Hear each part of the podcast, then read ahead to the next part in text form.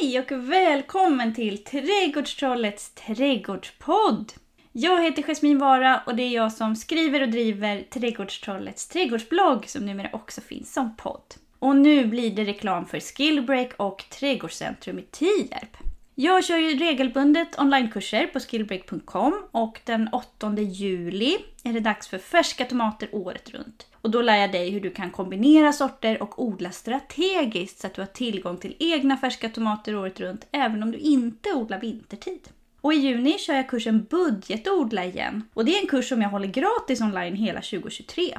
Så om du gillar dagens avsnitt med Marek Rolenek när vi pratar jord så kan jag varmt rekommendera Budgetodla för den handlar bland annat om just det, hur du gör egen jord på olika sätt. Och i slutet av alla onlinekurser så finns det alltid tid avsatt för frågor. Men om du hellre vill träffa mig på riktigt än online så kom till Trädgårdscentrum i Tierp vet jag. Det är en jättemysig handelsträdgård där jag jobbar deltid och den ligger på Ladvägen 6 i Tierp. Så jag hoppas vi ses där också. Men nu ska vi väl ändå köra igång podden va? Ja, nu kör vi!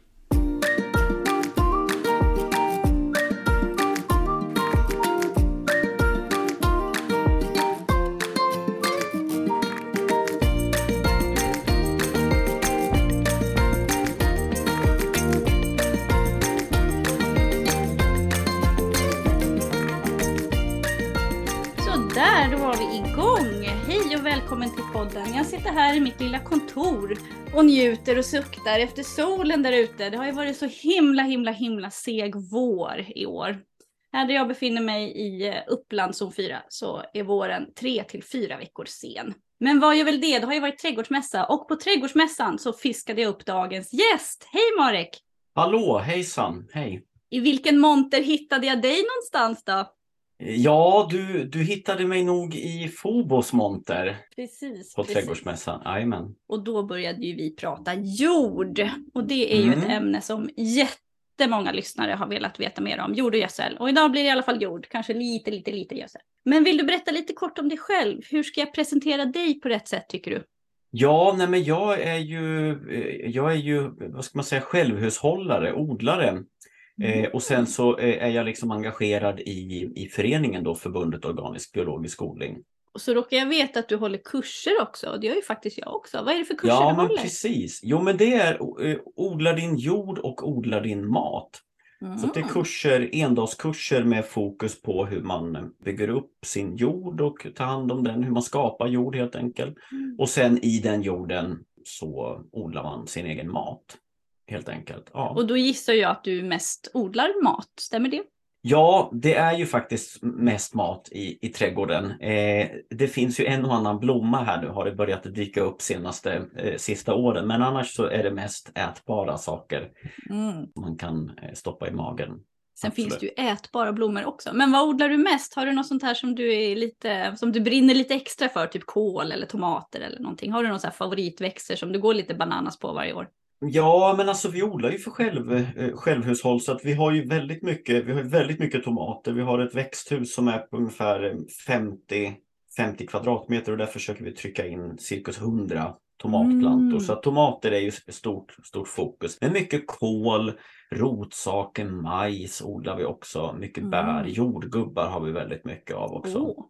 Mm. Och nu är ju jag en tomatnörd av rang så nu Mm. måste jag fråga om du har några smakfavoriter av tomater. Om du bara Ja men det har jag. Jag har massor med eh, roliga favoriter. Chilega tycker jag är väldigt eh, Jättegod. trevlig. Ja. Sockersöt, mycket god. Mm. ja, den är riktigt mumsig. Och sen så gillar jag den här eh, Blue Fire. Mm, vad kul, den ska jag odla för första gången i år. Vad roligt. Ja, den är ju otroligt smakrik och häftig och framförallt häftig att titta på. Den har ju så Mm. otroligt häftiga färger. Mm. Eh, men sen det finns ju massor med sorter. Jag odlar ju väldigt mycket sådana här eh, ganska stora tomater också. Ananas noir har vi haft och Ah. och sådana här liksom lite större varianter. Ja men åh vad mumsigt. Och vintertomater har vi en hel del också. Ja, välsigne dig! Du Ja, hamnar direkt alltså- upp i min himmel. Ja, nej, men just den här Pondorosa har vi och eh, den här Vesuvio har vi också. Och där Mm, har den vi ju, gula eller röda, det finns ju så många. eh, gul Vesuvio har vi och Mm. Pondorosa Åh, där också. en av ute i mina favoriter. Ja. Jo, nej men alltså det är ju det är ju väldigt trevligt sätt att kunna förvara tomaterna så pass länge också. Alltså jag menar sista tomaten har vi skivat upp någon gång första maj året därpå och, då är det en sån här Mm. Ponderosa. Mm. Ja, men, och särskilt som självhushållare, man har ju så mycket att göra ändå. Man orkar inte stå och koka liksom 100 liter sås, man har så mycket att ta rätt på ändå. Det är så smidigt att bara skörda och, och hänga upp det. Mm. Precis. Och så förgyller de ju köket också, så där ja, är de så hänger vackert. där på sin lilla pinne. Ja. Visst är det. Jag har Ja. faktiskt tjuvhållit nu på, på några tomater. Egentligen så skulle vi väl kanske äta upp dem för länge sedan. Men jag har tjuvhållit på några för jag håller ju onlinekurser så att jag vill liksom kunna Mm. visa upp de här tomaterna. visa att det verkligen är sant att det går. Så att jag Mm. har några visningsex kvar. Men var finns ditt växthus någonstans? Var, var befinner du dig? Var odlar du någonstans? För jag är i zon 4 och du är i zon... Ja, jag skulle nog faktiskt också säga att det här är eh, zon 4, eh, kanske 3. Men, men vi bor utanför, utanför Linköping, utanför ett Mm. litet samhälle som heter Ulrika. Och det är ju väldigt kuperad eh, skogmark här. Så att här är ju Mhm. våren också två, tre veckor senare än vad den är fyra mil söder upp i, eller norr upp i, upp i Linköping då. Mm. Så det är ganska eh, kargt eh, klimat att odla i. Det är ju liksom mitt i skogen och så runt omkring så är det som en hagmark. Mm. Och ja, inga grannar utan det här är sista huset på vägen. Så det, Ja, då är det Mm. bara att gå bananas. Då får du plats med en hel del. Då behöver du inte bry dig om så mycket hur det ser ut om du inte vill heller. Det är ju lite skönt. Jag har ju en Nej. stor väg som går här så jag brukar försöka skärpa till mig liksom. Stuva Ja. undan det värsta Ja. bakom ladan. ja, men det, är, det är ingen publik som liksom går förbi här utav, utav någon anledning utan det är väldigt anonymt här i skogen. Ja. Men på mässan, apropå publik, då var det ju ganska mycket folk. Mm. Och det var ganska mycket folk i eran monter. Och det såg jag därför att jag stod ju i Sesams monter som stod Mm. som mitt emot. Så jag hade koll på, på er nästan hela tiden. Och då hade ju ni jordbyttor i Mm. eran monter. Och det är ju precis det vi ska gotta ner oss i idag, det här med jord. Mm. Vill du berätta lite om de där byttorna? För de var så fantastiskt pedagogiska. Jag fotade dem med min kamera. De fotona kommer dyka upp mycket på bloggen ska du veta. Ja, ja, men det är ju egentligen för att påvisa hur eh, dels att det finns väldigt mycket olika jordar som vi har i våra trädgårdar, alltså allt ifrån ganska leriga jordar till sandiga jordar. Men också då hur man, hur, hur man liksom kan producera och skapa sin egen jord av sitt eget trädgårdsavfall, till exempel från löv eller, eller sådär. Så det är mest för att liksom visa bredden på de här olika, olika jordarna. Mm. Hur gör du jord själv till din självhushållarodling? Ja, alltså det är ju egentligen på, på ganska olika sätt. Eh, dels så, så jobbar vi med täckodling då, så att vi komposterar egentligen på platsen där vi, där vi odlar och på det sättet så bygger vi upp vår jord. Och sen har vi ju också en, alltså vi har ju ingen egentligen kompost har vi ju inte utan eh, alltså för trädgårdsavfall utan allting komposteras på plats där vi odlar. Och sen har vi ju liksom en kompost för, för matavfall då som vi har som Mm. en bokashi-kompost. Och, och från det så kan man ju dra upp jord för att ja, så jord och omplanterings, eh, omplanteringsjord och sådär. Mm. Hur, hur gör du din egen såjord då? För jag vet att ett klassiskt rookie mistake för många är att såjorden blir för blöt. Hur, hur Mm. gör du en bra såjord? Ja, men alltså det bästa sättet egentligen att göra, göra såjord är att använda löv. Då packar jag löv på hösten, de får jättegärna vara blöta efter något så här höstregn. Ner med löven i en säck, stor säck och sen så får löven helt enkelt multna ner där under, under en säsong. Så det blir ju inte så jord till våren utan det blir ju till året därpå då så att säga. Mm. Och så blandar jag upp den här, eh, så, eller den här lövmullen med lite sand. Och har man inte sand så kan man använda vanlig jord. Mm. Man gräver upp i sin trädgård helt enkelt. Ja, precis. Ja. Ja, helt klart. Och det blir ju en väldigt bra bas för en såjord för att löven är ju otroligt fluffiga och luftiga och sådär. Och det är oftast det som är problemet där, som du var inne på, att såjorden kan bli rätt kompakt. Mm. Och då håller den ju vatten väldigt, väldigt bra och blir för blöt då. Mm. Så löven är ju fluffiga. Och sen för att få in liksom lite mer substans och struktur i det så kan man blanda i sand. Och då har man en väldigt bra bas. Vad har du för jord på platsen där du odlar, liksom i backen? Ja, så det är ganska, det är ganska sandig eh, jord. Eh, Det passar så, ju bra för dig om du vill göra såjord, då är det väldigt enkelt. Att... Ja, eh, men vi har ju också ett stort sandtag i närheten här så att där hämtar vi ju lite, hämtar vi lite sand och sådär så att det är ju ren sand. Men sen eh, jorden här på gården är ju ganska sandig så att där behövs det mycket, blandas i mycket organiskt material då Mm. för att det ska, för att det ska liksom eh, spraka till lite grann. Ja, men jag förstår precis vad du menar. Och här där jag bor så är det ju tung lerjord. Mm.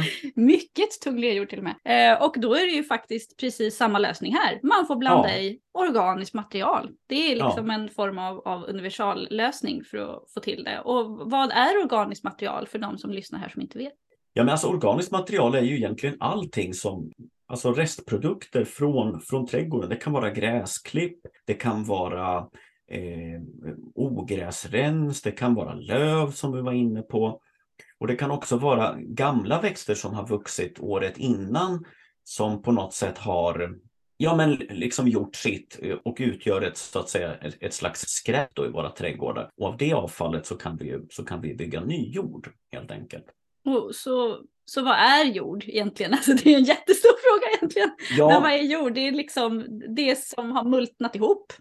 Eller? Ja, det är ju delvis det, men det är ju en väldigt liten del egentligen utav, utav det som är jord. För att det som är jord, eh, till största delen består ju jord utav eh, mineraliskt material, alltså stenpartiklar av olika storlekar.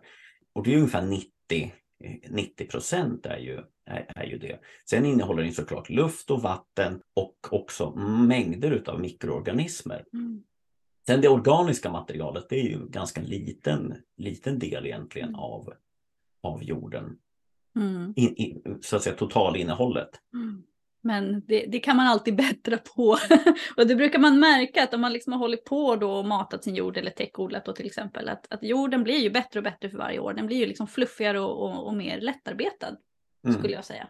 Jo, men det är också det organiska materialet. Det är ju det som är, det är, det som är näringen i jorden. Mm. Så, fort, så fort man matar på organiskt material till sin jord så, så sätter mikroorganismerna igång att omvandla det där till näring. De äter och bajsar och äter och bajsar och på så sätt så, så bildas det näring helt enkelt. Mm. Eh, Så att de här sten, de här 90 procenten sten, stenpartiklar eh, är ju också mycket näring men, men vi behöver ju ha mer näring till våra jordar och då är ju Mm. de där det organiska materialet. Och maskar är ju fantastiska hjälpredor. Alltså gud, du nämnde ju täckodling förut, alltså att man inte har naken jord i sin trädgård utan att man till exempel då runt grönsaksplantor och så att man, man lägger ut ett, ett eh, ganska tunt material med till exempel gräsklipp och så och så hjälper ju maskarna till att och Mm. dra ner det där och bara, alltså det är så otroligt mycket gratisgödsel. Alltså maskbajs är det Ja. bästa som finns. Ja men visst är det så, ja men visst är det så. Och jag menar har man en sån där en har man ett par hundra eh, dagmaskar på en kvadratmeter så, eh, så producerar ju en, en dagmask kan ju producera upp till ett gram gödsel per dygn. Oj. Så har, man, har man 200 dagmaskar på en kvadratmeter så har man 200 gram gödsel per dygn. Ja, det Helt. är gratis är gott brukar man säga. Gratis är gott men det bygger ju på att man hela tiden matar jorden med organiskt material. Mm. Maskmat så att säga Mm. så att maskarna kan äta och så bajsar de och så får vi jättebra gödsel. Vad är det bästa med att göra egen jord tycker du? Är det just det där gratisgödslet man får eller finns det något annat skäl till att göra sin egen jord? Nej men alltså som självhushållare så, så, så vill man ju såklart ha ett eh, slutet system. Inte liksom föra in så mycket grejer utifrån utan, utan klara sig på den plätten som man har. Mm. Då är det ju på det viset som man, som man kan göra. Mm. Alltså väldigt, väldigt enkelt. Eh, när man, alltså en trädgård producerar ju väldigt mycket avfall, eller det vi kallar för avfall. Och i, av det avfallet eh, så tar man hand av det avfallet så kan man ju liksom producera ny jord och i den Mm. jorden kan man producera ny mat och ny mat producerar sen sitt nya avfall och så, Mm. liksom så snurrar det på så där hela tiden. Det är kretslopp helt enkelt. Ja. slutar.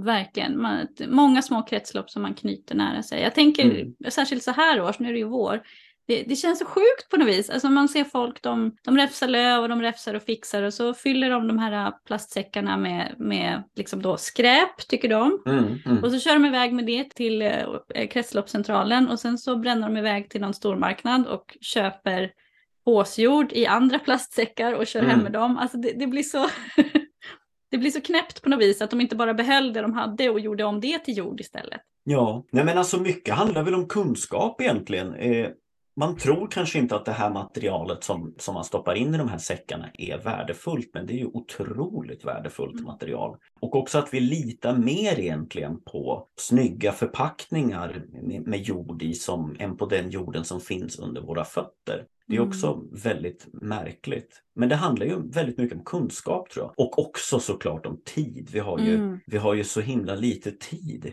till att bygga jord. Det, vi har, lägger liksom väldigt mycket tid på mycket andra saker. Mm. Men just jord, alltså jord är ju liksom en slags grundförutsättning för vår existens egentligen. All, all vår mat, näring kommer ju från, eh, från våra jordar till största del. Mm. Ja, hur lång tid tar det då? Alltså, du sa ett till två år där med den där säcken, men man kan göra jord på en miljon olika sätt. Liksom. Hur, hur, hur lång tid tar det? Vad finns det för olika liksom, tidsspann på olika sätt? Och, jag tänker täckodling, hur lång tid tar det för det att bli jord ungefär? Ja, men det, går ju, det går ju rätt fort. Det går ju en säsong för att täckodlingen bygger på egentligen att man använder väldigt mycket också färskt material, alltså mm. alltså kväverikt material. Och det kväverika materialet bryts ju ner mycket snabbare än om man har ett torrt material som är kolrikt. Mm. Eh, så att lägger man på ett litet lager med, jag vill säga en 10 cm gräsklipp i, i odlingen så, så bryts ju det ner under, under en odlingssäsong, absolut. Mm. Och så nämnde du ju bokashi också, det är ju också en form av turbokompost får man väl ändå säga. Ja men precis, det är också ett sätt att, att producera jord av sitt avfall. Det går ju lite snabbare däremot.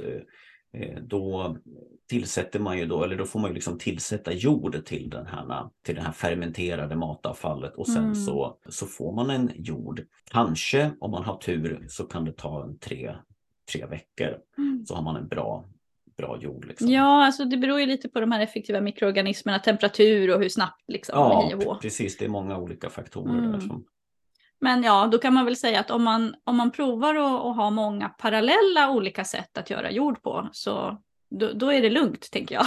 då, då, finns det alltid någon jord på gång någonstans i trädgården. Mm. Jag har ju både, jag kör också bokashi, jag tycker bokashi är jättebra.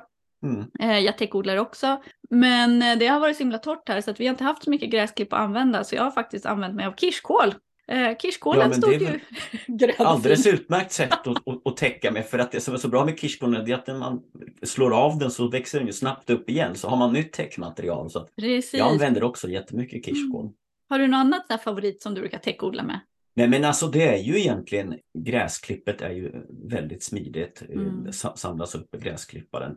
Samtidigt så räcker det ju aldrig tycker jag. Man skulle behöva ha en hel fotbollsplan för att liksom Jo men så är det. Och det, det är oftast det som är problemet. Och sen om det är torrt, eh, som det var sommaren 2018 till exempel, då växer det ju inget gräs heller. Då mm. har man inget, någonting att täcka med, då man mm. egentligen skulle behöva det som mest. Egentligen. Ja, precis. Det är typiskt. Ja. Nej, men vi har också så här vägrenar här. Vi har en två kilometer lång väg till, till, till stora vägen och där finns det material att använda också. Mm. För det är ju liksom mycket, olika växter Eh, olika örter tar ju upp olika näringsämnen ifrån, från våra jordar. Och ju, ju liksom mer eller ju större bredd man har på de där örterna eh, så, så får man också i tillbaka då många olika näringsämnen. Ja, det blir bättre näringssammansättning helt enkelt. Ja, precis. Uh, och det blir ju garanterat uh, en annan och bättre näringssammansättning än om man använder sig av, av gräsklipp från en golfbana till exempel. Tänker ja, men precis. ja, men precis. Det är ju oftast är det en sån där utrullad gräsmatta och, ja, och den kanske bara innehåller en eller två olika typer av arter. Men om man har en vanlig sån här, liksom en riktig gräsmatta som en trädgårds, alltså en villa trädgårdsgräsmatta så har du ju många olika typer av örter mm. i den. Du kanske har maskros och klöver och, och grässorter av olika slag mm. också. Mm. Ja, en varierad kost är bra även, även för jorden. Jo men, jo, men så är det ju. Ja, men jag tänker alltså varför är det, för man brukar alltid prata så här, man, man ska tänka att man ska odla sin jord, man ska inte odla grönsaker, utan man ska tänka att man odlar sin jord. Man ska ha en levande jord och sådär. Det, det har man hört mycket nu de senaste åren och det skriver jag absolut under på. Men en vanlig fråga som jag brukar få i trädgårdsbutik, för jag jobbar i trädgårdsbutik, mm eh, trädgårdscentrum i Tierp. Om det är någon som undrar, det brukar alltid vara någon som undrar. Eh, och då brukar kunderna fråga så här, ja men varför är det så viktigt att man har en levande jord? För det växer ju i påsjord man köper på trädgårdsbutiken också. Vad är, vad är det för skillnad på köpt påsjord och jord som jag gör själv? Ja, alltså, alltså det du köper på påse i affären är ju egentligen inte jord. Även om det står jord på förpackningen. Ja. Utan, utan, det är också det som är lite lustigt. Utan det är ju torv. Och torv är ju egentligen inte jord. Utan torv har ju brutits ner under kanske flera tusen år i en syrefri miljö och sen så när man lyfter ur den här torven från jorden så, så frigör man ju väldigt mycket växthusgaser också. Så torven är lite grann som oljan, den är ju bra om den får liksom ligga kvar i, i backen. Men, men om den är bättre eller sämre, alltså i, i det perspektivet så är den ju definitivt sämre att, man, att den bidrar till, till utsläpp och sådär. Men sen tycker jag att torven har ju väldigt dåliga egenskaper på att hålla vatten. Mm. Det torkar väldigt lätt ut också. Alltså en bra egenskap av en, hos en jord är ju att den kan, kan hålla vatten och näring. Mm. Torven torkar ju ut otroligt snabbt. Och det är ju ingen bra egenskap hos en jord så att säga. Mm. Så att har du jag menar, vi har ju jord överallt. Eh, under våra fötter i våra mm. trädgårdar finns det ju jord. Den är ju till 99,9 procent oftast bättre än, än det man köper på påsen. Sen kan jag förstå om man liksom odlar, om man inte har någon trädgård utan kanske odlar på balkong eller mm. sådär, ja då är det ju väldigt svårt att, att liksom gräva i, i, på balkongen och sådär. Men så då kan det vara ett alternativ. Men för oss som har trädgårdar behöver vi absolut inte springa och köpa massa konstiga jordpåsar. Mm. Men jag skulle också, jag tänker på Eh, jag odlar ganska mycket i pallkrage för jag har ju då mm. ganska så stora stenbumlingar i backen. De kan vara allt från stora som en tennisboll till stora som ett badkar. Så det är liksom inte något man bara flyttar på utan mm. man försöker gräva neråt och så säger det klonk för spaden slår alltid någonting. Och kan man inte gräva neråt då får man bygga uppåt. Så därför mm. odlar jag i pallkrage. Jag säger inte att man måste odla i pallkrage, jag säger att det funkar bra för mig. Och något som man märker då väldigt snabbt, just som pallkragsodlare, är just att om man fyller de här pallkragarna med just köpejord eller då köpetorv på säck. Mm. Man märker väldigt fort att dels då att det torkar ut snabbare, mm. men också precis som du säger att det blir som en kaka nästan. Mm. Alltså det blir dålig struktur på jorden, det blir som en kaka. När man ska försöka vattna upp den så rinner det som av. Mm. Det, mm. det, vill knappt ens rinna igenom i början. Och framförallt så är det ju, man märker ganska snabbt att den bryts ju ner snabbare. Mm. Efter bara ett år, då är liksom hälften av den där jorden borta. Poff, så är mm. den borta. Man förstår inte vart den har tagit vägen. Nej, men den har ju, alltså det är mineraliserat, den har ju brutits ner, den finns inte kvar. Ja, eh, och då tänker många så här, ja men då får jag köpa mer.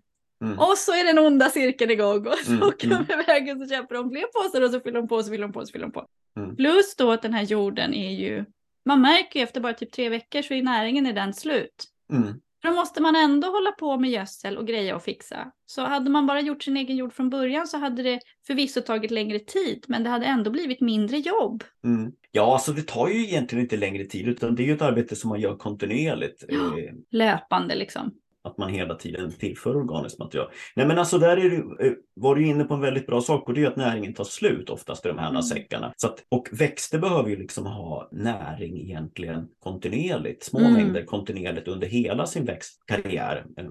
Eller vad man säger. Och problemet med de här påsarna är ju att det, är ju, det, att det finns ju en bestämd giva med näring i de här påsarna som oftast tar slut under säsongen. Så ja. där behöver man liksom mata på. Däremot så har man en sån påsjord så kan man ju liksom göra den levande och tillföra mer eh, näring genom att faktiskt börja täckodla en sån mm. jord. Och så tillföra gräsklipp och på det viset så får man ju också in de här mikroorganismerna i, i den här pallkragen eller vad man nu har för någonting. Mm. För att de här påsjordarna är ju tämligen döda. Mm. Eh, det finns ju liksom inget liv i dem. Men mikrolivet kan ju hitta dit till din påsjord om, om du liksom tillför mat till, till mikroorganismerna i form av gräsklipp till exempel eller skörderester eller något sånt. Men vad gör de här mikroorganismerna? Alltså, hjälper de till, hjälper de växten att äta näringen snabbare? Gör de liksom näringen mer lättillgänglig för växterna? Eller vad gör de egentligen? De här mikro... Ja, alltså allting handlar ju egentligen om, allting handlar om bajs. Eh, ja, men på något sätt så här är det så. Nej, men alltså tillför man organiskt material till, till sin jord, till exempel gräsklipp, då det är ju mat för mikroorganismer. De sätter igång och bryter ner det här. Så daggmaskar, eh, bakterier, svampar sätter igång och bryter ner allt det här materialet.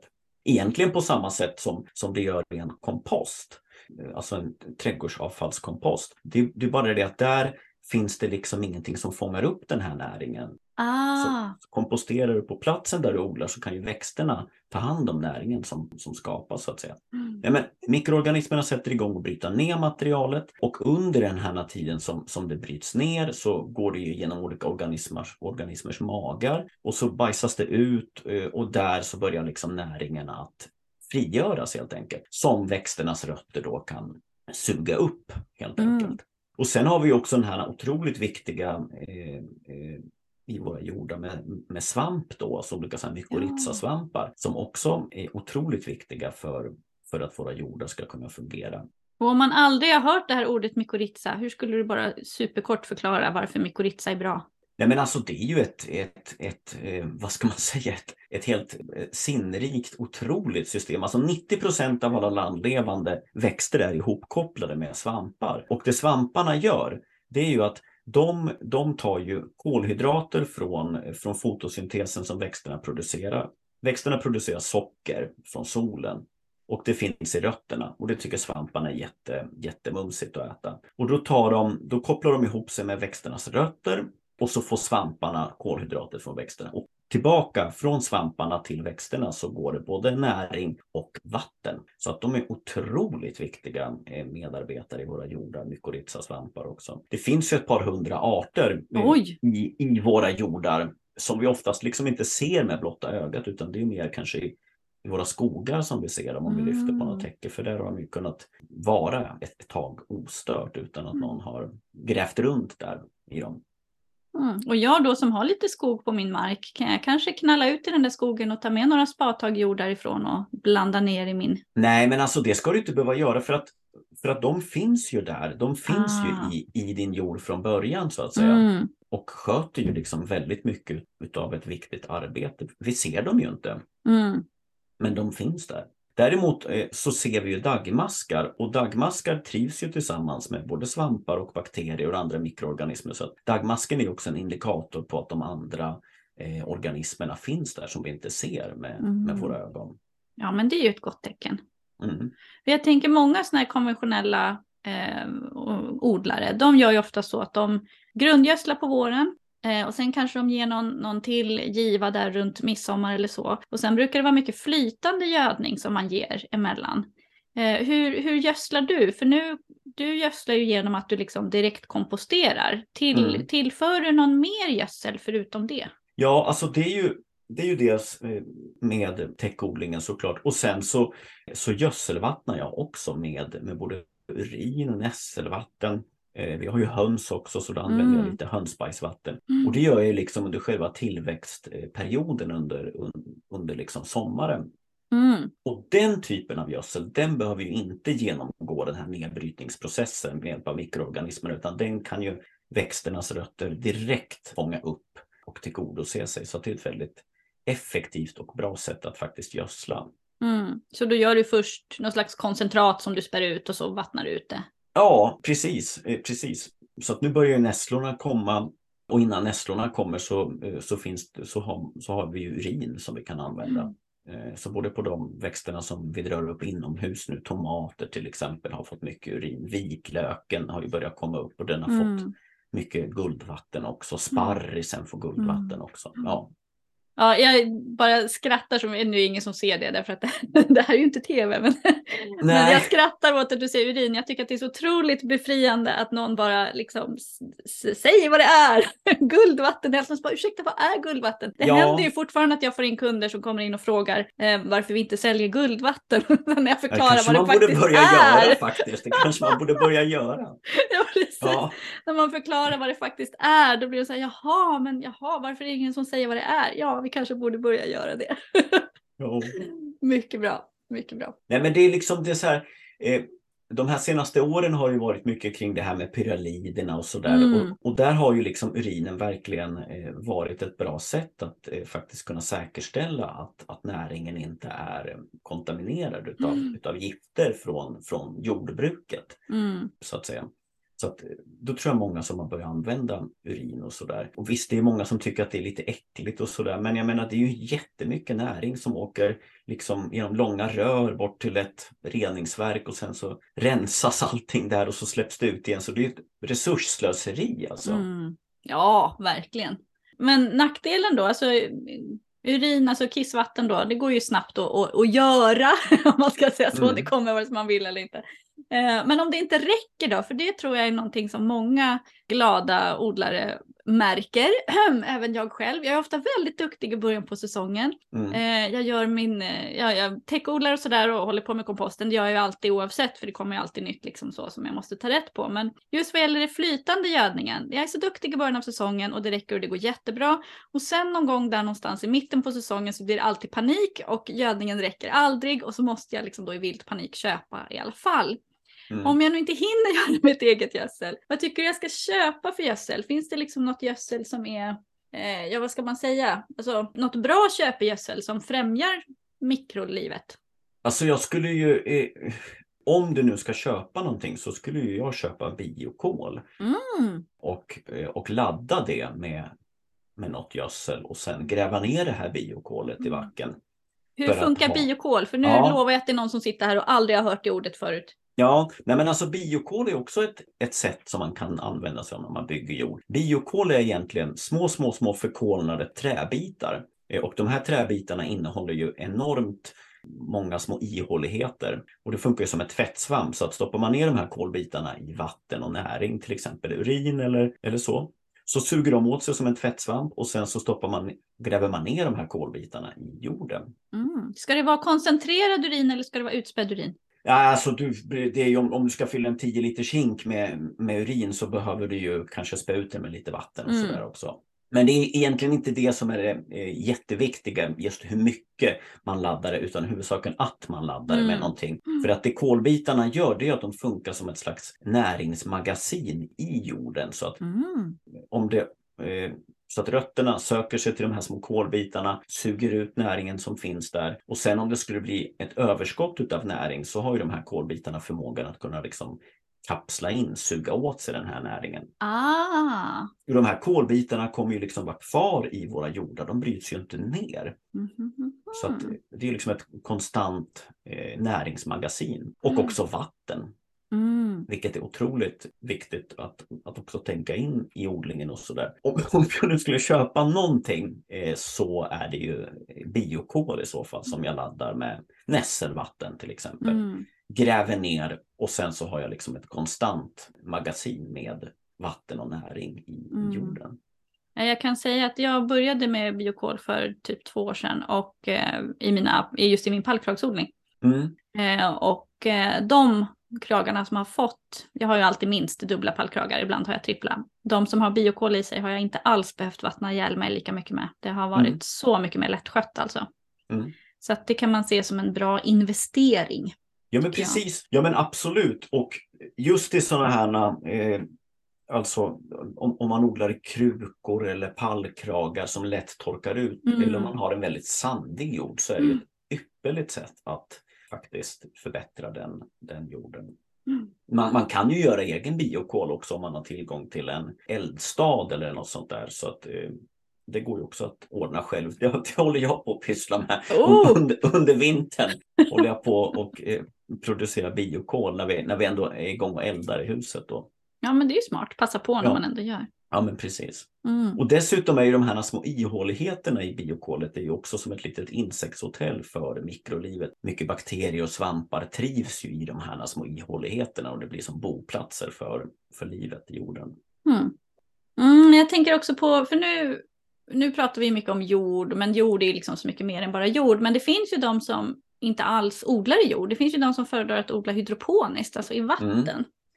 Um, och så finns ju de som bara odlar i sand och gräsklipp till mm. exempel. Som eh, Nils Åkerstedt brukade ju förorda det mycket. Vad tycker du om de odlingsteknikerna? Du som liksom älskar jord så mycket. Ja, men alltså sand, sand och gräsklipp är ju klockren eh, kombination. Däremot så kan jag tycka att det här med vattenodlingen är ju, där behöver man ju tillföra konstgödsel. Mm. För att organiskt gödsel är ju lite svårt att hantera i de här Ja, systemen. dels, det kan ju, dels så kan det ju liksom göra att de här, det slammar igen helt enkelt. Och sen Mm. kan det ju faktiskt också lukta, Mm. får man inte glömma bort. Ehm, Så att, Precis. Nej, men så att i det avseendet är jag, är jag väl inte jättesåld på den idén att man behöver använda konstgödsel. Mm. Men jag tycker det är otroligt bra att folk testar och experimenterar som kanske aldrig eller som kanske inte har, vill komma, eller har kommit i kontakt med odling utan det här är ett häftigt sätt att komma in i, i odlingssvängen så är det ju Mm. liksom en jättebra inkörsport att börja odla. Så kanske det sprider sig så kanske man börjar gräva bort gräsmattan ute, ute på, sin, på sin tomt och så, och så kör man liksom igång ordentlig odling ute också i, i, i riktig jord. ja men precis, ja men det Ja. ena utesluter ju inte det andra. Nej, men verkligen. precis. Mm. Ja. Men om jag ska anlägga ett nytt grönsaksland då, om vi återgår till, till min stackars, min stackars trädgård här. Ehm, man brukar ju säga det här med skomakarens barn ehm, och har alltid trasiga skor och sådär. Jag jobbar ju då i den här branschen så att min egen trädgård ser ju därför allt som oftast ut som skit så här års. Men den producerar mycket mat och jag brukar säga att jag ehm, odlar ju inte för att ha en visningsträdgård utan jag odlar för att få mat. Så att på så vis Mm. fyller den ju sitt syfte då. Men jag vill ju, det är nästan alltid så när man är en glad odlare, precis som du säger, att man vill liksom gräva upp sin gräsmatta. Odlingen blir på ett mystiskt, mystiskt vis lite, lite större för varje år. Mm. Man förstår inte riktigt hur det går till. Det är nästan som att det går av sig själv. Eh, Men om jag nu vill anlägga ett nytt grönsaksland och vill liksom utöka då min, min odling lite i smyg för min kära sambo här, eh, där det är gräsmatta nu. Hur tycker du att jag bäst ska göra då? Ja, alltså ett väldigt bra sätt att faktiskt anlägga ett nytt odlingsland, det är ju att jobba med sådana här kompostlimpor. Mm. Alltså åt, återigen då, ta hand om avfallet som finns i trädgården. Så att man kanske har väldigt mycket, kanske man friserar någon buske, man kanske har lite sly, lite grenar och sånt. Så lägger man det liksom längst ner så formar man som en, som en avlång limpa liksom på den platsen man, man vill göra det här. Eller så kan man göra det i pallkragar också. Och det går att göra direkt på gräsmattan. Eller så kan man gräva bort den om man vill. Mm. En del brukar ju lägga ut kartong, vad tycker du om det?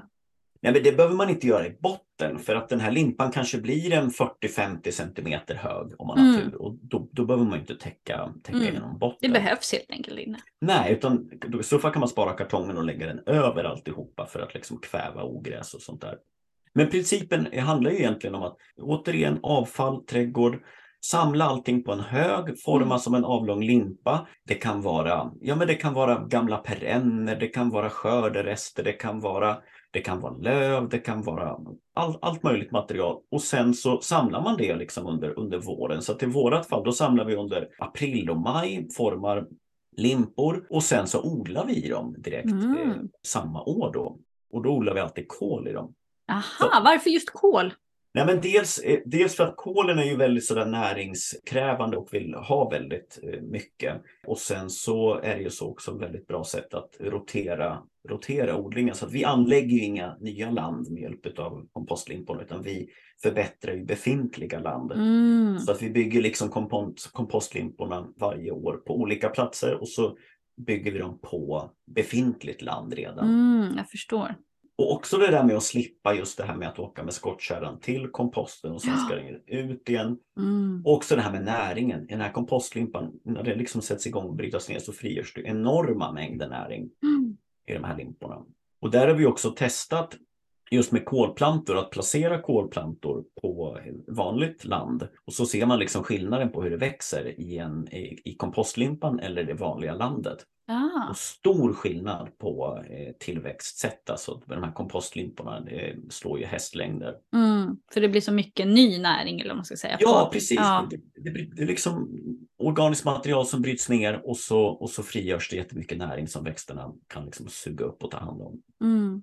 Så det, det är ett bra sätt att faktiskt bygga en, en ny odlingsland. Ja, och jag tänker då blir det ju liksom automatiskt, för ofta så städar man ju mycket på vår och höst. och Mm, då känns ja, det som visst. att vår och höst är bra tider att liksom Mm. by bygga nya land på. Men vad intressant det där du säger just med att så här, där det kommer ny, nytt fräscht material som bryts ner, att det blir mer näring. För jag, då tänker jag också osökt på många av de kunder jag haft tidigare. när jag jobbade på en stor trädgårdskedja, jag tänker inte säga vad den heter, de förtjänar absolut ingen gratisreklam. He who shall not be named brukar jag säga. Mm. Eh, då var det ofta ganska sådär nybörjarodlare. Eh, som var min huvudsakliga kund. Då. Och de kom ofta in sådär och, och frågade eh, de hade fått råd första året, kom de tillbaka nästa år, så sa de okej, okay, um, nu ska, ska, jag gräva bort den gamla jorden och slänga bort den och uh, fylla på med ny jord då i, i mina pallkrakar. Och jag bara, mm. nej absolut inte, ska kasta bort jord, det gör man väl inte. Ja men den jorden, den har ju ingen näring kvar. Så den, den, ska vi, den ska vi väl köra bort. Vart, vart ska vi köra bort den? Ska vi köra den till kassan? Nej, liksom nej. Mm. Ni måste ladda om den. Och jag brukar försöka förklara det här med jord ungefär som, som en mobiltelefon. Alltså om din mobiltelefon laddar ur, då slänger du inte den och köper en ny, utan då laddar du den. Då laddar du om den. Och det är samma mm. sak med jord. Ladda om, ladda om, ladda om. Precis. Men nej, du säljer ju inga jordpåsar på, det där, på den där firman då om du ska ladda om den. det är alltid någon som behöver jorden då ja. till någonting. Men just att grejen är ju den, för jag försöker tänka långsiktigt då. Att en, en riktigt nöjd odlare som lär sig att ta hand om sitt om sitt då, trädgårdsavfall. Om, om man lär sig att se sitt avfall som en resurs, om man lär sig omvandla det till en resurs, då frigör man ju väldigt mycket pengar som man faktiskt kan lägga på någonting annat. Som mm. man kanske inte kan skapa själv lika lätt. Då mm. kanske man kan unna sig att köpa det där jättelyxiga vattenmunstycket istället. Mm. Eller någonting annat som man verkligen vill ha. Det kanske mm. är några nya frön eller det kanske är, inte vet jag, någon jättelyxig ja. bra sekatör eller någonting. Um, så att jag ser inte riktigt så, utan jag försöker se det mer långsiktigt. Och jord kommer folk alltid köpa i alla fall. Men hur kul är det att släpa de där jordsäckarna mm. egentligen? Det finns ju faktiskt fullt med folk som slutar odla därför att de mm. tycker det är för tungt och jobbigt att släppa jordsäckar och de har ont i ryggen och hi och hå. Men det är ju mm. mycket lättare att göra sin egen jord. Då kan man ju ta med sig lite löv i taget istället för att hålla på. Man får Absolut. tänka långsiktigt. Långsiktigt, långsiktigt. Och jag tror ja. att det, det är inte alla alltid så duktiga på att göra. Men man lär sig göra det när man börjar göra egen jord. Ja, ja men jag tror också att mer kunskap behöver ju liksom behöver ju spridas eh, kring vad jord är och hur man ja producera jord. Men alltså de här jordpåsarna, det finns ju länder i Europa där man liksom börjar fasa ut det där mm. användandet utav torv. Mm. Och vi i Sverige är otroligt duktiga på att använda de här jordpåsarna. Ja. Men vi, jag vet inte, jag tycker vi är som, som trädgårdsland, alltså jag har ändå jobbat i den här branschen nu i fem, ja, över 15 år. Som, som liksom trädgårdsnation, eller, eller mm. trädgårdsland, jag tycker Sverige är spretigt, därför att å ena sidan så är vi ganska duktiga på att plocka upp begrepp och ord och liksom långsamt börja införa dem i vårt sätt att odla, ungefär som med mat. Alltså mm. Sverige, vi är ganska duktiga på att plocka åt oss liksom ingredienser och recept från, från andra länder. Men samtidigt så är vi å andra sidan olidligt långsamma och sena på bollen på så väldigt många saker. Jag tänker på det här med bokashi till exempel. Folk håller fortfarande på och tjatar om bokashi som om det är någonting nytt. Bokashi mm. har funnits sedan 80-talet. Mm. Eller om det är ännu längre. Det är bara mm. det att ja, precis, för oss ja. är det nytt, för vi är inte alltid så snabba på bollen. Liksom. Vi får se hur lång tid det tar innan vi kommer ikapp i liksom hela den här jordpåse-debatten. Hur lång tid tror du det tar innan de försvinner från trädgårdsbutikernas hyllor? Ja, men alltså, jag tror att det behövs ju, först och främst så behöver vi, behöver vi ha alternativ till ja, torven. Och precis. det börjar ju dyka upp lite mer och mer nu. Men, mm. Eh, så att alternativen måste ju finnas först. Sen, eh, sen behöver man ju liksom fasa ut det här så fort som det bara går egentligen. Men alternativet, det bästa alternativet är ju att odla i den jorden som man har i, ja. i trädgården. Mm. Och har man inte jord så producerar man jord. För att avfall, organiskt avfall har vi mängder utav. Tänk ja. på matavfall, och matrester och mm. från köket som vi har avfall. Mm. Och där också många gånger så skickar vi ju iväg det avfallet med gröna påsen och så blir det liksom biobränsle eller, ja. eller vad det nu blir så, så kan man ju. Och så kommer det då bilar och hämtar. Alltså det blir som ett dubbelfel på något vis. Alltså ja. Det är klart att det är bra jo. att man återvinner men det hade varit jo. ännu bättre om man hade kunnat knyta små kretslopp och knyta jo. dem nära sig. Det är ju det, nära sig. Jo. Jo, men alltså det handlar ju om, det, det handlar ju liksom om, i, i grund och botten handlar det om näringsämnen ja. som vi människor förbrukar och sen behöver, och så, de behöver ju tillbaka till jorden, de här mm. näringsämnena. Så skördar vi, vi skördar ju näringsämnen mm. från våra åkrar och från våra trädgårdsland. Den näringen behöver vi tillbaka ja. sen. Så att liksom kretsloppet är, är slutet. Och det är också ett sånt här klassiskt rookie mistake. Eh, folk som köper pallkragar och köper bara köper på sig jord på säck och på med det. Och så sår de och så första skörden, första vändan blir jättebra tycker de. Och så ska de så igen och så blir det inget bra och så förstår de inte varför. Ja men näringen är ju slut. Mm. Du måste ju Exakt. ladda om. Ja. Det är ju så. Eh, och sen som sagt en annan sak som du var och nosade lite på här nu, det är ju det här med växelbruk. Du Mm. nämnde ju att ni odlar inte i samma hela tiden. Nej men precis, det, det är ju också ett sätt egentligen att, att liksom gödsla upp sin jord och sådär. Det finns ju eh, växter och baljväxter som ärtor och bönor till exempel som har en förmåga att faktiskt gödsla upp sig själva och jorden då genom att fixera kväve från, från luften och binda det ner i jorden. Så det är också ett sätt att gödsla upp sin jord. Och då om man ena året då har odlat ärtor och bönor på en plats så nästa år så är den jorden kväverik och sådär. Då kan man ha någonting som är väldigt näringskrävande som kål till exempel eller gurkor eller något annat som behöver ha mycket, mycket näring. Finns det Mm. några mer fördelar med växelbruk då? Om jag fortsätter odla kål på samma ställe jämt. Om, jag, om vi låtsas då att jag har bara tre pallkragar. Och jag, jag gillar bara kål, så jag odlar bara kål i de tre pallkragarna hela tiden, år efter år efter år. Vad är det värsta som kan hända? Ja, alltså det är också det här med sjukdomar då. Eh, man behöver ju rotera. Så just med kålen så har du den här klumpråttsjukan till exempel och, och den är ingen rolig att få. Nej fy, det tar ganska många år att bli av med den. Oh, Ja, över det är sju ju, år eller mer. ja, det kan ju vara frågan om decennier också. Oj, oj, oj, usch. Så pass illa är det. Så det gäller liksom att ha rotation i, på sina grödor och framförallt kål. Mm. Eh, odlar man inte kål så, så är det inte så jätte, jätteviktigt egentligen. Men allting bör rotera i alla fall. Ja, om jag, om jag nu inte roterar så mycket då, om jag liksom odlar det jag odlar och jag kanske är lite duktig i början av säsongen och så ger jag egengjort gödsel. Men sen börjar jag köpa där konstgödningen ändå. Jag kanske är så himla rädd för pyralider så jag köper konstgödningen ändå. Hur, hur påverkas jorden av det, av den här konstgödningen? Eller mikrolivet eller sådär? Spelar det någon roll? Ja, alltså, alltså konstgödsel i sig är ju liksom inte, är ju inte giftigt på något sätt utan det är ju mer framställningen utav konstgödningen som Mm. är otroligt problematisk, kräver upp väldigt mycket energi så att säga. Men det som är problemet med konstgödseln det är ju att den, den tillsätts ju oftast i, i flytande form eller i, i väldigt lättlöslig form så att den näringen försvinner ju väldigt snabbt Mm. från jordarna. Och i värsta fall så rinner det ju liksom ner rätt ner i backen och eh, kan skapa liksom övergödning på olika, på olika ställen. Det går lite för fort kan man säga. Ja men det gör ju det och det är ju Mm. liksom lite grann, vad ska man säga, liksom som en typ av tvångsmatning utav växterna som, alltså att man tillsätter det här väldigt eh, snabbt och så ska det ju helst finnas, alltså en levande jord, en bra jord har ju en förmåga att hålla vatten och näring. Mm. Men har man liksom inte, tills, eh, har man liksom inte tillfört så mycket organiskt material i sina jordar så, är de inte, så har de ju inte riktigt de egenskaperna. Nej. Vilket gör att det här konstgödslet liksom rinner igenom egentligen ganska snabbt. Mm. Mm. Det är skillnad på gödsel och gödsel helt enkelt. Det är skillnad men- på jord och jord. Jo men alltså absolut, och så tillför man liksom hästskit eller kobajs och sådär så, så ska ju det igenom samma process. Det ska ju brytas ner av mikroorganismer för att näringen ska kunna frigöras och sådär. Men det skapar ju också mycket, vad ska man säga, massa i jorden som gör att den kan hålla, hålla vatten och näring Mm. bättre. Vad är, vad är ditt favoritbajs då? Eller vad ska man säga?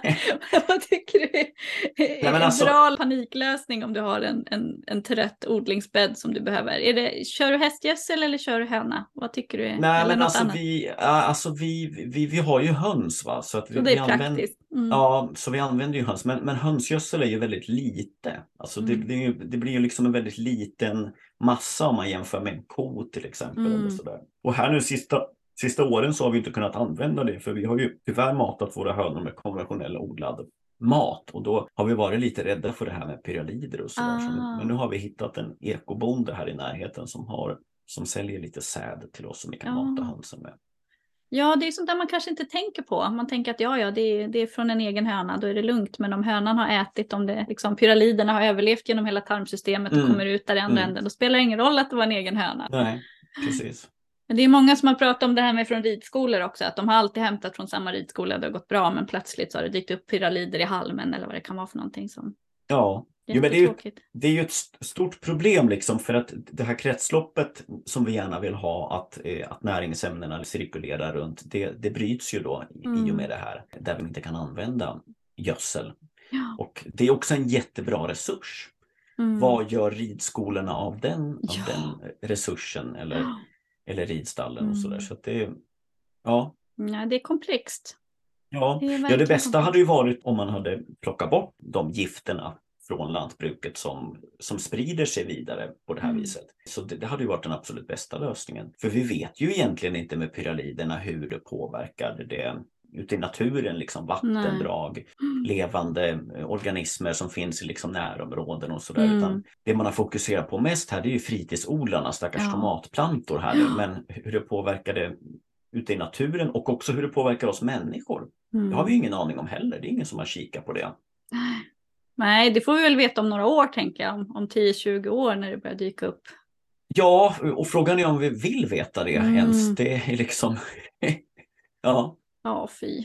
Usch. Men du håller ju kurser också, apropå veta. Vad, vad är de vanligaste frågorna du brukar få? Vad brukar dina, dina elever vilja veta? Jag tänker om vi ska bara lite så här kort rookie mistakes vad gäller att göra jord. Du har säkert hört många genom åren. Nej men alltså det har ju, alltså det är ju mycket, mycket det där som du har varit inne på, det där hur, hur behöver man byta jord och sådär. Eh, Det är mycket frågor kring det. Men också då kring hur, hur man såklart kan bygga upp sin jord, alltså med vilka metoder, vad kan man använda för material för att, för att bygga jord. Måste man finfördela allting? Om man ska göra en sån kompostlimpa till exempel. Det är en sån här grej man kan fundera på. Nej, men komp- eh, ska man använda kompostlimpa så behöver man inte finfördela någonting egentligen utan man kan ju lägga på ganska grova material. Det går ju att lägga på grova stockar Mm. Och sådär. Så- Nästan som en hygelbädd där i botten. Ja men, Mm. ja, men, ja men precis. Eh, Då håller ju den både vatten och drar till sig väldigt mycket Mm. mykorrhizasvampar då som, som tycker om det där träet. Men, men det liksom, det hinner inte brytas ner under en säsong så att det blir Mm. inte jord av en stock på en säsong utan det Nej. kanske tar ett par säsonger och sådär. Men då är det ju det där som du var inne på, det där lång, långa perspektivet Mm. framåt. Hur, Mm. Och sen kanske man inte behöver odla någonting som går ner i, i jorden heller i den här limpan utan man kan ju faktiskt odla någonting som växer uppåt istället. Morötter Mm. och potatis kanske man inte behöver sätta i en sån Mm. limpa utan kål eller pumpa eller Mm. gurka Ja, pum- eller något sånt. Pumpa måste ju vara otroligt tacksam tänker jag. Jo, jo men det, det växer bra också på en sån här limpa. Mm. Hur är det med att blanda material då? Är det bra om det är mycket av samma eller ska man gärna blanda? Hur ska man tänka? Ibland brukar man ju säga, kan man höra eh, vissa sådana här råd om att det ska vara grönt, gult och brunt. Mm. Eh, och sen si och så många mängder av, av vardera. Hur tänker du där? Ja, nej men alltså täckodling handlar ju egentligen om att man eh, kontinuerligt hela tiden matar på med det som finns och sådär. Och är det ett färskt material, då är det ett kväverikt material. Och Mm. lägg, lägger man på ett torrt material som halm till exempel eller torra löv så är det ett kolrikt material. Mm. Och både kol och kväve behöver ju ha en bra balans för att det ska kunna funka. Så lägger man på för mycket kväverikt material, ja då det, kan ju risken finnas att det liksom blir för mycket kväve då i, i jorden. Eh, och så blir det väldigt mycket grön massa istället för Mm. tomater till exempel. Så det är ju att blanda. Mm. Men, men oftast så sker ju det där ganska naturligt då kan jag, kan jag tycka för att kanske i början av säsongen har man väldigt mycket kväverikt material och sen mot slutet av säsongen så finns det löv och annat Mm. material. Så att den där balansen ger sig själv av Mm. säsongen så att Mm. säga. Ja, men det är ju smidigt och bra.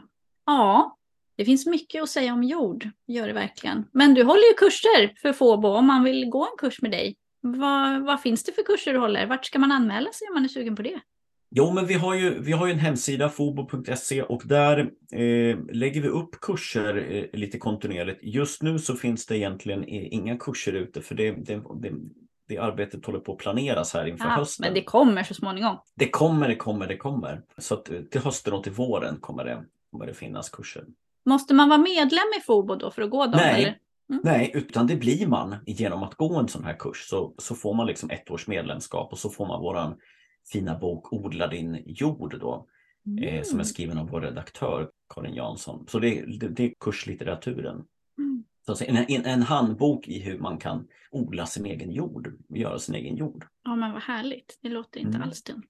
Jag har ju en sån här serie på min blogg trädgårdstrollet.se som heter Budgetodla. Mm. Och då har jag haft lite olika delar där, där jag har länkat och listat olika sätt man till exempel då kan göra jord på, olika sätt man kan göra eget flytande gödsel på och så vidare och så vidare. Och jag har för mig att jag länkar till Fobo där bland annat. Så där Mm. kan man ju gå in och kika lite.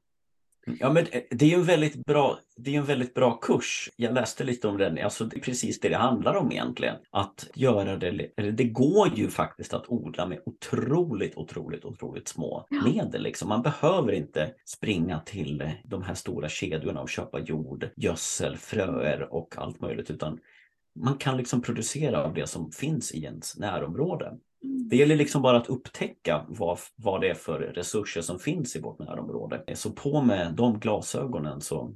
Ja, men verkligen. Och, och jag tror att det är liksom extra viktigt att påminna om det så här års. Därför att våren, folk tror ju att, att alltså trädgårdsbranschen är en fantastisk bransch. Men eh, den, alltså jag, jag är lite kluven till den. Därför att det är en otroligt slitig bransch. Det är en bransch som lever väldigt mycket på att sälja feelgood fluff brukar jag säga. Mm, Man säljer egentligen mer drömmen om trädgård Mm. än den faktiska trädgården på något vis. Det är väldigt mycket doftljus, eh, blommiga kuddar och servetter och sådär. Mm. Eh, men det är ju också för att de här trädgårdsbutikerna och trädgårdskedjorna, de har ju som i princip tre, fyra månader på sig att dra in alla de pengar som de ska leva på resten av året. Mm. Och då blir det extremt mycket reklam och det är många som tror att man måste köpa, köpa, köpa, köpa, köpa för att kunna odla. Och det måste man inte. Det kan, alltså man kan, någonstans måste man börja. Det kan vara, självklart ska man köpa frö om man vill göra det. Självklart ska man liksom köpa små miniväxthus och, och dra upp sina plantor i om man vill göra det. Men man måste inte.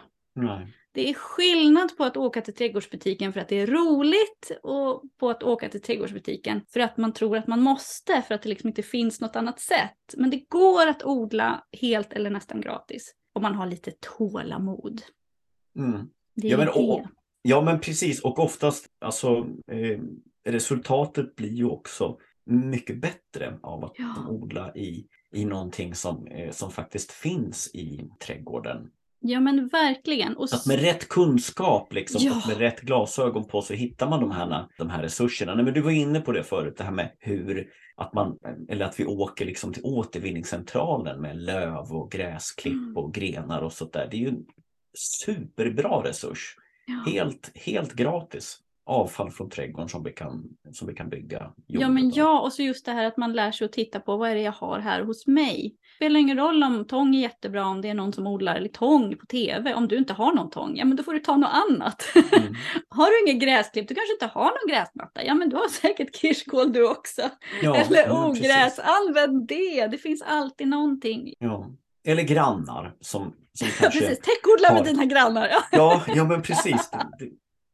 Det, finns ju liksom, alltså det finns ju så otroligt mycket, mycket trädgårdar i Sverige. Två och en halv miljon trädgårdar finns det i Sverige. Så att, Oj, och alla de här trädgårdarna har ju resurser. All, I alla trädgårdarna växer det ju saker ja. som producerar avfall. Så att, ja, på Som med. man kan omvandla till en liten guldgruva i sitt odlande. Exakt, Mm. exakt. Ja. Och sen om man Mm. liksom lär sig, eh, sen det här med fröodling är ju inte liksom, det är ju inte heller någon liksom jättesvårt egentligen. Och eh, får man in en lite, lite kunna odla sitt eget frö och göra, göra egen jord Mm. och göra eget gödsel, Mm. då har man ju kommit ganska långt. Och det är väldigt roligt också att få det här hjulen och snurra det här kretsloppet. Så att på hösten när liksom skörden är färdig, då är det dags för att börja plocka in fröer inför Ja. nästa år och så är liksom Mm. Hjulen igång redan Ja. för nästa odlingssäsong. Ja men och känslan av rikedom är ju oslagbar alltså. Det är, Absolut. alltså oj, och det blir så mycket frö när man lär sig fröodla. Jag Ja. brukar säga att jag känner mig lite som Joakim von Anka, men istället för att simma omkring i guldpengar så, så simmar jag i frö. Jag har liksom mina Ja. ICA-kassar med frö liksom. Så Ja men härligt. precis och så, och så ger man bort fröer Mm. till, till, till folk runt omkring och sådär och så blir de jätteglada och så producerar de frö, nytt frö i sin tur. Mm. Eller, eller, i den nästa säsong och sen så, så, så rullar det liksom vidare. Ja, och just där som du säger att, att hjulen hela tiden rullar, därför att det är också någonting. Många brukar fråga sig, men hur orkar du hålla på med trädgård, du som jobbar inom trädgård? Ja, men jag gör ju lite hela tiden. Det är ju inte så att jag liksom, nu ska jag ha en trädgårdsdag och nu ska jag göra allt färdigt på den här helgen. Det är inte så det funkar. Och det Nej. lär man sig ganska snabbt just när man börjar göra sin egen jord, att det är lite hela tiden som gäller. Mm. Har man en halvtimme eller en timme i sin trädgård varje dag eller varannan dag så kommer man otroligt långt på det och det är inte mm. särskilt arbetsamt. Det tror jag de allra Nej. flesta kan få till faktiskt. Ja, och det, dessutom är det ju ganska hälsosamt också att röra på sig och vara ja. ute, ute i det fria och lyssna på småfåglarna. eller någon det... trädgårdspodd! ja, eller en ja. trädgårdspodd. Exakt, exakt, exakt. Mm. Ja, nej men alltså det finns det ju jättemycket forskning kring också hur vår mentala och fysiska hälsa påverkas av mm av att eh, vara i en trädgård. Mm. Och inte minst hålla på med jord. Så av med Nej, handskarna. Ha inte handskar på jämt. Ha lite jord under naglarna. Det är inte fel. Mm. Nej. det är ju liksom grunden för hela vår existens på något sätt. Att, ja, jord är ju grunden. Mm. Ja, det är inte fel att jorda sig, som man brukar Nej. säga. Nu har vi pratat ganska länge om jord. Jag brukar alltid avsluta med samma fråga till alla mina gäster. Mm. Eh, och det är den här. Är det någon fråga som du tycker att jag har missat eller något du vill prata mer om? Eller vad önskar du att vi pratade mer om i den svenska trädgårdsdebatten? Nej, men alltså jag tycker vi har varit inne lite grann på det här med det behöver liksom inte vara så knepigt. På med ett par nya glasögon och se, se vad det finns för, för resurser i, ja. i trädgårdarna. Men jag måste säga, jag tycker det är väldigt bra att det pratas mycket om jord och jordhälsa. Mm. Och framförallt också inom eh, stora jordbruket så pratar man ju mycket, mycket, mycket, mycket mer om mm. jordhälsa och vikten av en levande jord som man kanske inte gjorde för en fem, tio år sedan tillbaka. Mm. Vad tror så. du det beror på? Är det de här liksom att det har kommit dokumentärer som Den sista skörden och sånt där? Alltså beror det på sånt eller vad tror du att det beror på att vi har börjat prata om det just nu? Nej, men alltså jag tror det finns, eh, jag tror det finns fler orsaker, men, men en orsak kan ju vara det här med att en jord behöver ju leva för att den ska kunna producera mm. mat så att säga. Döda jordar har ju också sämre egenskaper att, att hållas på plats överhuvudtaget. Mm, alltså du tänker på erosion och, sådär. och ja, ja, visst. jorderosion. Så att det finns liksom säkerligen kommersiella tankar bakom kring att man tänker att en jord ska vara levande. Men det är ju liksom helt naturligt att en jord måste vara eller liksom bör ha de egenskaperna som att kunna hålla vatten och hålla näring och mm. framförallt producera näring. Så att nej men jag tror att det är superbra att det pratas mycket om, om det i det stora jordbruket. Och jag menar sen, jag menar liksom jordbruket i Sverige och så jämför man jordbruken i USA till mm, exempel. Det är ju ja. en stor, stor skillnad oh, ja. på utarmade jordar och sådär. Men och där har ju EU också en ganska viktig roll här nu att försöka liksom driva på. EU ligger ju egentligen, eller EUs jordbrukspolitik ligger på många steg egentligen mycket längre fram än vad Sveriges gör för tillfället. Mm. Så att Sverige har ju fått lite på eh, piskning eller vad man säger. Mm, liksom, lite bakläxa. Lite bakläxa från EU, absolut. Och, och där tänker vi också att Sverige oftast är ett, liksom, ett föregångsland vad det gäller ja men inte vet jag, biologisk mm. mångfald och liksom miljö mm. och allt sånt där i framkant och sådär. Men där, där har vi fått faktiskt lite bakläxa. Ja, vad kul att du nämner just det här nyckelordet biologisk mångfald. Därför att när man säger biologisk mångfald, det är många som tänker då att det bara handlar om att det ska finnas många olika sorters blommor, många olika sorters. Men det handlar ju faktiskt också om det som finns i jorden. Ja, allra högsta grad. Alltså det är ju, om man tänker, om man tänker om man tänker mängdmässigt så finns det ju mer arter, alltså levande organismer i, i mm. våra jordar än vad det finns ovanför jorden. Mm. I en tesked liksom bra jord så, så kan det finnas fler levande organismer än vad det finns människor på den här planeten. Ja. Så det är extremt många mm. organismer som, som fyller Ja, det är ju som ett helt universum av organismer. Jag tänker på den här slutscenen i Men in Black. Du vet ja. när de öppnar det här lilla skåpet i Men in Black och så är det ett helt universum där. Jag tänker ja, samma ja. fast i jorden i en liten tesked. Jo men visst, absolut. Och just för att det liksom är grundförutsättningen för våran, eh, för våran existens egentligen. Alltså all, all mat, all näring hämtar vi ju från, från jordarna. Mm. Så det är så extremt viktigt att de mår bra. Så att vi också som eh, skördar näringen ifrån mm. jordarna kan ha en bra hälsa. Där är ju liksom kopplingarna, för mig är ju de helt uppenbara. Sen är det ju så att Livsmedelsverket är ju extremt försiktig med att säga att en, en ekologisk odlad grönsak skulle ha större näringsvärde än en konventionellt odlad. Mm. Mm.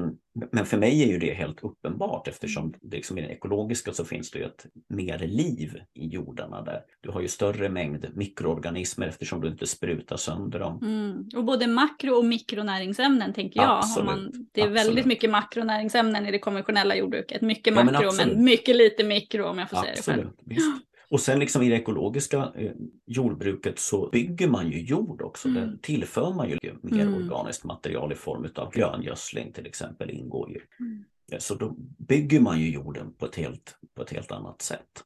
Man kan också tänka ur ett lite egotrippat, eh, eh, litet egoistiskt individperspektiv. Att om man bygger sin jord och har en levande bra jord så blir den ju lättare och roligare att odla i. Dels för att skörden blir bättre såklart, men det blir mindre jobbigt för dig själv att hålla på och vattna som en galning och gödsla som en galning och släppa jordsäckar som en Ja, galning. ja visst. Den är ju betydligt mer lättskött på sikt och mer lättjobbad. Så att eh, när man väl har fått igång det där hjulet och snurrar, det här lilla kretsloppshjulet. Mm. Hej vad beriba, vad kul det är att odla alltså. Mm. Och det är inte så jobbigt att få upp ogräs heller i en, i en jord som man har täckodlat och Mm. inte grävt så mycket i och, och gått i. För att då är ju jorden ganska lucker. Ja.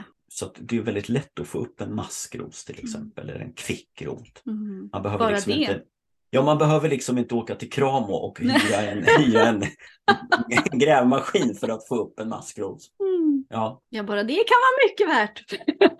ja jag det. menar det. Ja. Tack snälla Marek för att du vill vara med i podden och prata jord. ja, men tack själv hörru du, för att jag Jätte, fick vara med. Kul att vara med i en podd. Ja, eller hur?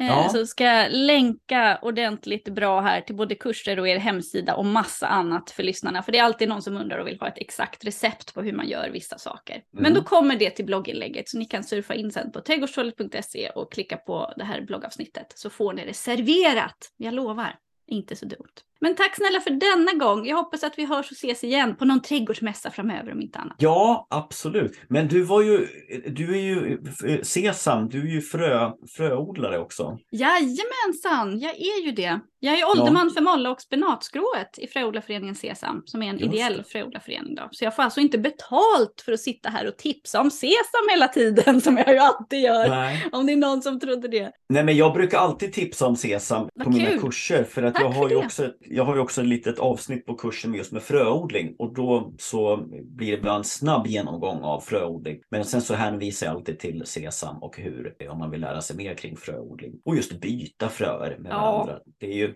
vansinnigt alla de här EU-direktiven om man inte får byta fröer med varandra. Liksom. Så har ju människor gjort Mm. i alla, alla tider. Fast än så länge får man det, så det är ingen som behöver bli nojig. Det är bara att byta på.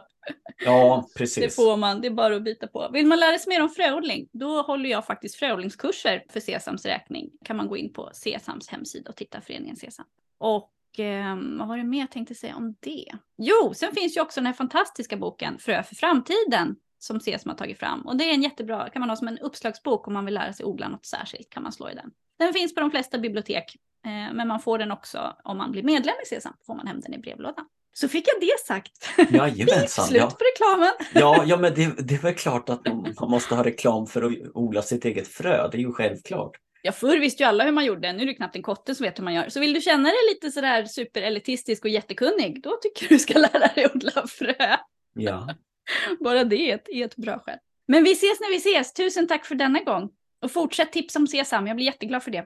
Tack själv, ha det gott. Ja, men du med. Hoppas du får en riktigt fin odlingssäsong. Du med. Ha det gott. Hej då allihopa! Hej hej.